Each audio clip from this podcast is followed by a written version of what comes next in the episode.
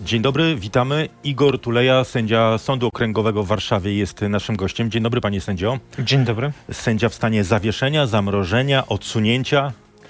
Em, tak zwana Izba Dyscyplinarna, kiedy uchyliła mój e, immunitet, e, zawiesiła mnie w czynnościach służbowych. Tak to chyba mm, formalnie zostało I określone. kiedy pan dzisiaj słyszy, zlikwidujemy Izbę Dyscyplinarną, pomyślał pan, to koniec wojny o sądownictwo, wygraliśmy? oczywiście, oczywiście, że nie. Nie wierzę w dobre intencje e, rządzących. Najlepiej o nich świadczy to, że e, przez blisko 6 lat nie zreformowali wymiaru sprawiedliwości, ale go zniszczyli. Czy pana zdaniem to unik? Myślę, że to jest unik e, i to jest taki pozorny e, gest wobec przyjaźni wobec e, Komisji Europejskiej i Unii. Czyli y, y, pana zdaniem to nie jest realne wywieszenie białej flagi w sprawie Izby Dyscyplinarnej, tylko co, gra na czas? Mm, Myślę, że to jest em, gra na czas. Jeśli formalnie tak zwana Izba Dyscyplinarna zniknie, to obawiam się, że na jej miejsce pojawi się coś e, równie okropnego albo gorszego. Bo politycy obozu władzy w ślad właśnie za tą decyzją i ogłoszeniem Jarosława Kaczyńskiego, że Izba Dyscyplinarna zostanie zlikwidowana, e, mówią, że to wcale nie jest pokłosie e, wyroku TSUE, bo tego wyroku nie akceptują, że to po prostu ciąg dalszy zaplanowanej reformy. Wydaje mi się, że, że każdy może skomentować to, co się dzieje e, przez e, sześć, no może nie sześć, ale e, od 2018 roku, kiedy tak zwana Izba Dyscyplinarna pojawiła się w naszym porządku prawnym. Rządzący nie, nie kwestionowali e, tego, że, że powinna ona być i raczej wypowiadali się w samych superlatywach o, Dziś mówią, musimy dokończyć reformę. tak, no i jakby patrząc na, na kalendarz, mamy jednak te orzeczenia TSUE z połowy lipca, mamy w cudzysłowie ultimatum, które Komisja Europejska dała rządzącym i prawdopodobnie e, stąd też e, te e, wypowiedzi polityków, że Izba e, Dyscyplinarna powinna zniknąć, że trzeba e, zreformować wymiar sprawiedliwości i tak. I co w zamian Izby Dyscyplinarnej, jeśli faktycznie zostanie zlikwidowana? O to też zaraz zapytam. Zapraszam na rmf24.pl i do naszych kanałów społecznościowych. Słuchaczom w tym momencie dziękujemy. Panie sędzio, e, politycy z otoczenia Zbigniewa Ziobry właśnie mówią, że mm, zgadzają się na pewne zmiany, o których mówi e, Jarosław Kaczyński, na likwidację Izby Dyscyplinarnej, o ile to będzie zapowiedź dalej idącej reformy. Co może kryć się pod sformułowaniem dalej idąca reforma? E, Obawiam się, że nic dobrego. Tak jak e, pan Zbigniew Ziobro był ministrem sprawiedliwości w czasie pierwszych rządów e, Prawa i Sprawiedliwości, to po tym okresie 2005-2007 został e, na salach sądowych po nim drewniany młotek i podkładka akustyczna.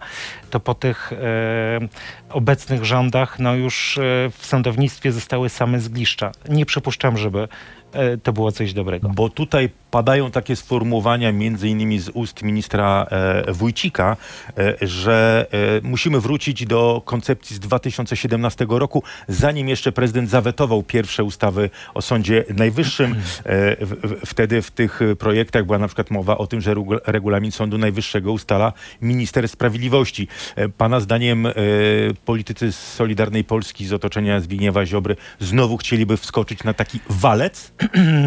Jak najbardziej, ponieważ te pomysły, e, które wówczas e, przepadły, były o wiele dalej idące niż to, e, co ma miejsce dzisiaj w sądownictwie i rzeczywiście były, były bardzo radykalne, choćby koncepcja, by e, regulamin wewnętrznego urzędowania Sądu Najwyższego był em, przedstawiany przez ministra sprawiedliwości, czy minister sprawiedliwości odgrywał jakąś istotną rolę w strukturach niezależnego sądu. Pojawia się teraz także sformułowanie, powrót do sformułowania spłaszczenia wymiaru sprawiedliwości. Co to może oznaczać? Co to w praktyce będzie oznaczać?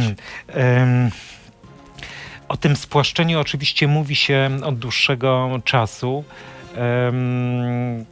Zamiast sądu rejonowego byłby tylko sąd okręgowy i sąd apelacyjny, albo sąd rejonowy i tylko sąd Dzisiaj, okręgowy. dzisiaj mamy sądy rejonowe jako pierwszą instancję, sądy okręgowe, które są sądem pierwszej instancji bądź drugiej instancji od orzeczeń sądów rejonowych i sąd apelacyjny, który rozpoznaje środki zaskarżenia. I jeśli miałoby to być spłaszczone, to jak miałoby to E, wyglądać? Były różne pomysły, że to znaczy byłyby dwa stopnie e, sądów, sądy regionalne, w którymś z tych projektów takie pojawiało się określenie i sądy e, chyba okręgowe.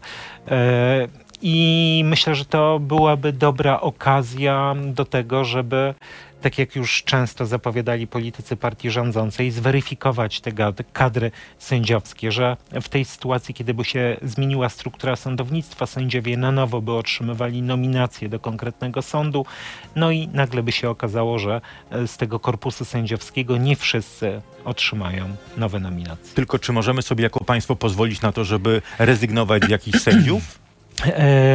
E, Po pierwsze, pewnie źle byłoby to mm, widziane w oczach świata i myślę, że Europa e, e, nie przyjęłaby mm, takiego pomysłu. A po drugie, e, oczywiście sędziów w Polsce jest em, e, 10 tysięcy, około 10 tysięcy.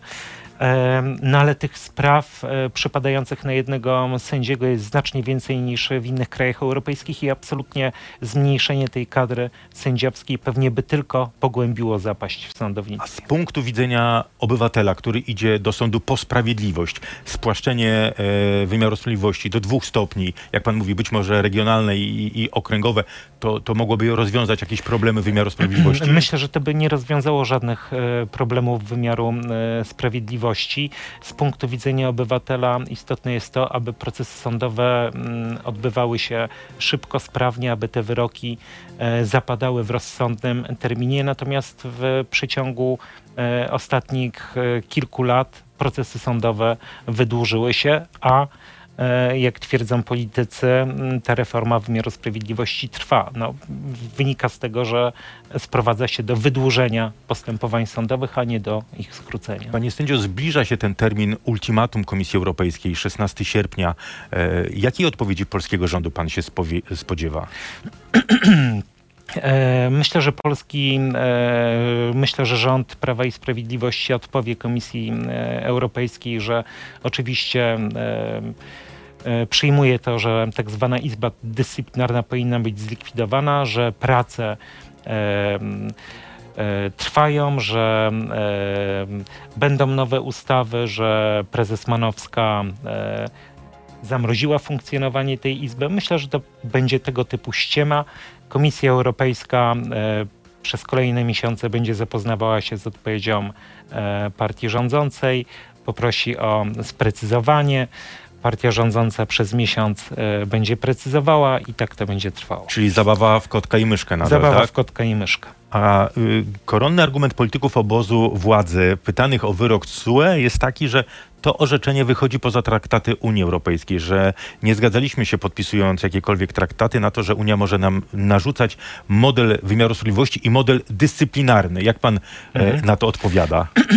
E, oczywiście Unia e, i sądy europejskie nie narzucają nam e, modelu sądownictwa, jaki powinien być w Polsce. E, Sądy europejskie zwracają uwagę wyłącznie na to, że aby mówić o sądzie, ten sąd ma być niezależny i mają w nim orzekać niezawiśli sędziowie. A czy to jest szeptucha z Podlasia, czy sądem jest król, to już jest obojętne. Byleby te instytucje były niezależne i rozstrzygały sprawy obywateli niezawiśli sędziowie. I kolejny argument obozu rządzącego jest taki, że inni też nie wykonują wyroków TSUE. Padają liczby od 30 do 50 niewykonanych wyroków TSUE przez inne, y, in, inne kraje. Mam tutaj y, wyliczenie. E, Grecy nie wykonali 12 wyroków, Włosi 9, Hiszpanie 6 i pada pytanie, nie histeryzujmy, dlaczego my mamy wykonywać wyrok TSUE? E, oczywiście, że tak. E, Zdarza się, że państwa nie wykonują wyroków sądów europejskich, natomiast obawiam się, że e, kwestie, których dotyczą te niewykonane wyroki, e, nie mają związku z tak istotnymi, kardynalnymi i podstawowymi kwestiami jak praworządność i rzetelny proces sądowy.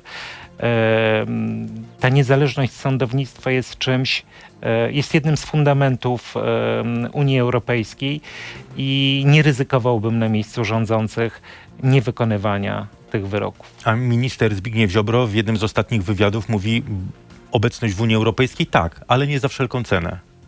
Em, mm, Nie możemy No, ulegać Tak, tru, trudno, e, trudno mi to skomentować w jakiś sposób dowcipny. E, Chciałem powiedzieć, że może minister Ziobro ma paszport i planuje wyjazd, ale ja też mam paszport, tego wyjazdu nie planuję. Wydaje mi się, że e, to, że jesteśmy w Unii e, Europejskiej, no to jest czymś chwalebnym i czymś fajnym, a nie jakimś ciężarem. Panie sędzio, Izba Dyscyplinarna, e, mimo e, zarządzenia pani prezes e, Manowskiej, wydaje się, że nadal pracuje, bo w czwartek na wokandzie są cztery sprawy, na razie nie zostały zdjęte. Jeśli dojdą do skutku, to pana zdaniem to będzie dowód słabości pierwszej prezes Sądu Najwyższego? Em, Jakbyśmy przeanalizowali wypowiedzi prezes Manowskiej z ostatniego tygodnia, no to rzeczywiście, mm, e, jak w brazylijskim serialu, następowały tam zwroty o 180 stopni. Wydaje mi się, że pani Małgorzata Manowska niekoniecznie nadaje się na, na urząd e, pierwszego prezesa Sądu e, Najwyższego. Ale napisała list i do prezydenta, i do premiera, i do marszałków Sejmu i Senatu z takim apelem: zróbcie coś. To wy musicie wyjść z inicjatywą naprawy sytuacji w wymiarze sprawiedliwości. To jest oczywiste, że e, prezes Manowska no, nie uchwala prawa, które jest stosowane w Polsce, ale e, również do niej były e, kierowane e, orzeczenia sądów europejskich. Ona jako pierwsza prezes powinna je wykonywać i po prostu powinna wysadzić w kosmos e, tak zwaną Izbę Dyscyplinarną i w ogóle e, zablokować e, pracę tego czegoś, co nie jest sądem. Taka była intencja tych orzeczeń CUE. To jak nazwać to, to zarządzenie e, pierwszej prezes z 5 sierpnia, w którym e, zablokowała dostęp do nowych spraw e, Izbie Dyscyplinarnej, skierowała je do swojego sekretariatu, ale w sprawie spraw już rozdzielonych, które się toczą, zaapelowała tylko do, o, o rozważenie, aby się powstrzymać od e, rozpatrywania tych spraw. Myślę, że te zarządzenia e, pani pierwszej e, prezes są efektem e, uświadomienia sobie, że niewykonywanie e, orzeczeń sądów europejskich, niestosowanie się do nich stanowi naruszenie porządku prawnego, bo ten porządek prawny europejski jest budowany między innymi przez orzeczenia CUE. Kto e, nie stosuje się do prawa, kto je narusza, popełnia przestępstwo, a kto popełnia przestępstwo jest przestępcą i prędzej czy później stanie przed e, wymiarem sprawiedliwości. Więc prawdopodobnie te zarządzenia e, no, mają być mm, mm, jakimś dowodem na to, że pani pierwsza prezes stara się przestrzegać prawa, ale tak nie jest. Czyli pan spodziewałby się dalej idących decyzji pierwszej prezes Sądu Najwyższego? Tak, tak. E, powinna po prostu uniemożliwić funkcjonowanie e, tak zwanej Izby Dyscyplinarnej. Choć to, choć to zarządzenie spotkało się od razu z bardzo ostrą reakcją e, ministra sprawiedliwości Zbigniewa Ziobry, który oskarżył pierwszą prezes, że to ona właśnie narusza polskie prawo, uginając się pod dyktatem TSUE. Mhm. Em, nie wiem e, tak naprawdę i pewnie nikt e, nie wie, jakie, em, jaki jest układ między panią pierwszą e, prezes a ministrem sprawiedliwości. Natomiast no, cała kariera e, pani pierwszej prezes jest powiązana z osobą Zbigniewa Ziobry. No, za jego czasów była wiceministrem sprawiedliwości. On zrobił ją e, dyrektorem Krajowej Szkoły Sądownictwa i Prokuratury. Za jego czasów trafiła do Sądu Najwyższego i została pierwszym prezesem. Może pan minister Ziobry jest rozczarowany, że z, z jakiegoś powodu e, postawą pierwszej prezes. A pan sprawdza, pan wie, kiedy ciąg dalszy pana sprawy przed Izbą Dyscyplinarną Em, będzie, roz, m, będzie miał, miał miejsce? Jasne, bo moja sprawa jest na takim etapie, że w pierwszej instancji tak zwana Izba Dyscyplinarna Stanęła po pana stronie, nie pozwoliła na tak zwane doprowadzenie do prokuratury. E, dziękuję za takich stronników. W każdym razie było tak, jak pan redaktor powiedział, że oni się nie zgodzili na moje zatrzymanie i doprowadzenie. Od tej decyzji odwołała się prokuratura, no i sprawa jest w toku, ma swoją sygnaturę. Dzisiaj rano, jak patrzyłem na wokandę Sądu Najwyższego, nie miała jeszcze terminu. Natomiast podobnie było mm, przy uchyleniu immunitetu, że w pierwszej instancji tak zwana Izba Dyscyplinarna immunitetu mi nie uchyliła, dopiero w drugiej instancji Chciałby pan, żeby ta sprawa przed, jak pan mówi, tak zwaną Izbą Dyscyplinarną doszła do końca tej procedury, czy liczy pan na to, że ta Izba zostanie rozwiązana, za- zanim sprawa Igora Tulei e, zostanie rozpatrzona? Ja mm, uwiel- uwielbiam żyć z takim dreszczykiem emocji, więc e, z ciekawością bym e, oczekiwał, jaki będzie finał e, w drugiej instancji. tak Niektórzy mówią, że chciałby pan z założonymi kajdan, kajdankami być doprowadzony do prokuratury. Em, Oswoiłem się z tą myślą, ale oczywiście, jak każdy normalny człowiek, nie marzę o czymś takim. E, Zobaczymy, jak to się skończy. Wracając jeszcze do prezes Manowskiej, bo poza tym, że wykonała ten ruch, który pan mówi, że jest niewystarczający, Zbigniew Ziobro mówi, że jest skandaliczny, e, że narusza przepisy, ale prezes Manowska też położyła na stole pewne propozycje dotyczące reorganizacji Sądu Najwyższego Izby Dyscyplinarnej i zasugerowała, że Izba Dyscyplinarna jej zdaniem powinna być nadal ciałem odrębnym, e, ale sędziów do Izby Dyscyplinarnej należałoby losować ze wszystkich sędziów Sądu Najwyższego, a ostatecznie prezydent by wskazywał, kto orzeka, kto zasiada w Izbie Dyscyplinarnej. To jest dobre rozwiązanie? E, Wydaje mi się, że to nie jest dobre e, rozwiązanie. E, Tutaj mogę tylko e, podziękować pani prezes Manowskiej za, za kreatywność i że akurat dzisiaj wpadła na taki pomysł i uznała, że coś trzeba zmienić w tak zwanej Izbie Dyscyplinarnej. Oczywiście sędziowie powinni ponosić odpowiedzialność dyscyplinarną. Jeśli popełniają przestępstwa, powinni wylatywać e, ze służby sędziowskiej. Tymi sprawami mogłaby się zaj- zająć Izba Karna. Sądu Najwyższego, więc tutaj rozwiązanie jest gotowe e, do czasu, aż te sprawy nie zostaną e, uregulowane przez parlament. Natomiast czy pomysł pani prezes Manowskiej jest dobry? Em, Raczej wątpię. A czy pana zdaniem możliwe jest w ogóle, w ogóle wyjście z pata e, w sprawie wymiaru sprawiedliwości bez zmian w Krajowej Radzie Sądownictwa? Nie jest to możliwe. Neo-KRS nie spełnia e, swoich funkcji zapisanych w Konstytucji, nie strzeże ani niezależności sądów, ani nie broni niezawisłości sędziowskiej. Jedyne uchwały, jakie podejmuje, to w swojej obronie. E, Nie zasiadają tam, tak jak mówi artykuł 187 Konstytucji, przedstawiciele e, sędziów, te 15 osób.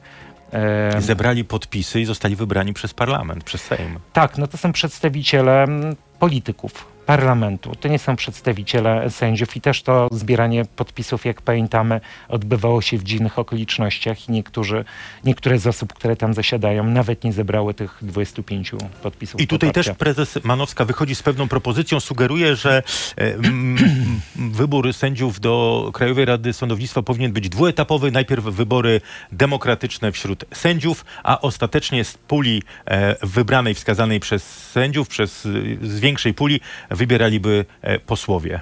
Mhm. To jest e, koncepcja spotkania się w pół drogi. Myślę, że to nie jest koncepcja spotkania się w pół drogi. Nie wiem, czy pani e, prezes Manowska mówi jako sędzia, czy jako poseł. Brzmi to, jakby mówiła jako polityk. E, Z konstytucji jasno wynika i taka była intencja ustawodawcy i taka jest wykładnia historyczna tego przepisu, że w KRS-ie zasiada przedsta- 15 przedstawicieli e, sędziów, którzy jasne powinni być wybrani przez sędziów w demokratycznych e, wyborach, ale to są przedstawiciele środowiska sędziowskiego. Czyli jakikolwiek element wskazywania przez polityków pan odrzuca. Tak myślę, no, w KRS-ie zasiadają przedstawiciele i Sejmu, i Senatu, i inni politycy. Panie sędzio, jeśli dobrze obliczyłem, pan nie orzeka od 264 dni. Y, Końcówka listopada 2020 roku, ostatnie orzeczenie, tak? Tak, 18 listopada ostatnie I orzeczenie. na jakim etapie jest pana walka o przywrócenie do, do, do, do pracy? Sędziowie e, muszą e, poruszać się i walczyć w ramach prawa, więc z przykrością mogę podsumować, że e, moja walka o przywrócenie do pracy jest na etapie walenia głową w mur. Ja oczywiście co jakiś czas składam wnioski do moich bezpośrednich przełożonych, aby przestrzegali prawa i dopuścili mnie do orzekania. Walczę przed sądami powszechnymi, przed sądem pracy. E, Orzeczenie CUE nic tu nie zmieniło. Orzeczenie CUE nic tu nie zmieniło. E, Prezes e, Radzik e, stwierdził, że nie przywróci mnie. A tak e, e, realnie e, to, to, to zawieszenie czy odsunięcie od orzekania, pan codziennie musi przychodzić do sądu, stawiać się, podpisać się na karcie, jestem, czekać 8 godzin, może jednak pozwolą mi pracować, czy może pan siedzieć w domu i czytać książki?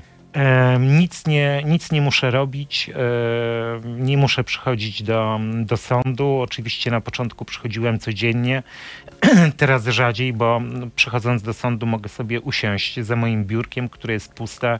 Jestem odcięty od sieci komputerowej. Nie mam żadnych akt. Mhm. Złożył pan już to zawiadomienie o popełnieniu przestępstwa przez sędziego Tak. Radzika? Tak, w momencie, kiedy e, prezes Radzik e, nie wykonał orzeczeń CUE, mój pełnomocnik e, złożył zawiadomienie o możliwości popełnienia przestępstwa przez prezesa. Ale ono trafi do prokuratury. Do prokuratury, która jak wiemy dzisiaj nie jest niezależna niestety. Pan, w pana odczuciu pan wykonał, wy- wyczerpał już wszystkie możliwe ścieżki w tej sprawie, czy jeszcze coś jest w zanadrzu? Em, Ciągle rodzą się e, rozmaite pomysły.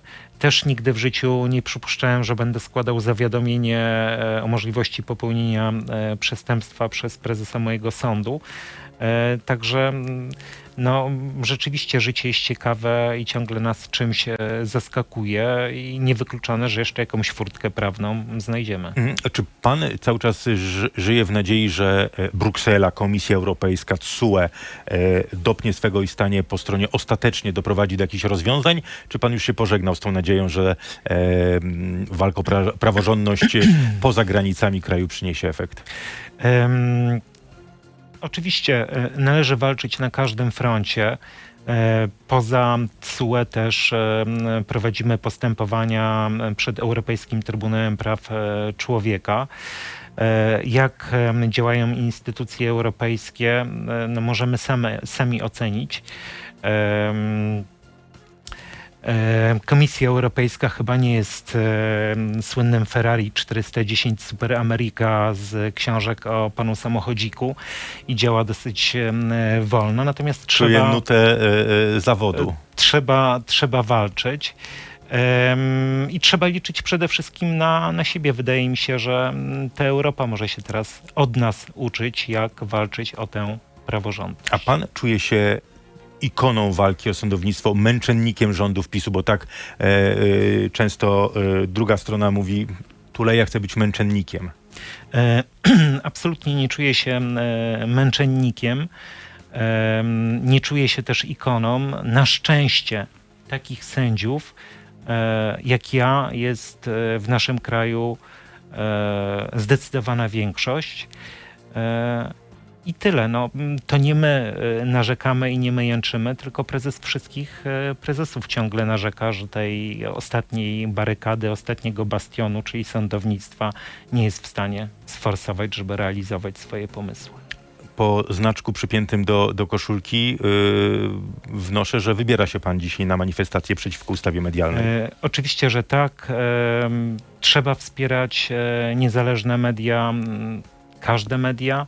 E, jednym z tych pomysłów, e, o którym wspomniałem, em, prezesa e, i na przeszkodzie realizacji tego pomysłu ciągle stoją niezależne sądy, jest właśnie podporządkowanie czy zniszczenie wolnych mediów. Jeśli te wolne media padną, no to e, nie wiem, gdzie będziemy szukali wolności. Panie sędzio, na koniec, czy pana zdaniem, w pana odczuciu, y, ludzie jeszcze w ogóle pamiętają, o co chodzi w tym, w tym sporze? Czy, czy może widzą z jednej strony ministra Ziobry, a z drugiej strony między innymi sędziego Tuleje i już stawiają go po stronie opozycji? Wierzę, że tak nie jest. Wierzę, że tak nie jest i przynajmniej mam nadzieję, że ludzie dostrzegają to. Może w radio tego nie widać, że chodzę do lepszego fryzjera niż e, pan minister Ziobro, ale ostatnia inicjatywa obywatelska Tour de Konstytucja pokazała, że e, ludzie mają świadomość tego, co się, co się dzieje. E, są zainteresowani tym, co się dzieje w naszym kraju i absolutnie nie odbierają tego jako jak, jakiegoś konfliktu personalnego, czy jak onegdaj przy e, afe, aferze hejterskiej w Ministerstwie Sprawiedliwości minister usiłował przedstawić, że to są jakieś rozgrywki między sędziami. Obywatele mają świadomość, że dzisiaj bronimy praworządności. Dziękuję pięknie. Sędzia zawieszony, sędzia Sądu Okręgowego Igor Tuleja był naszym gościem. Dziękuję pięknie.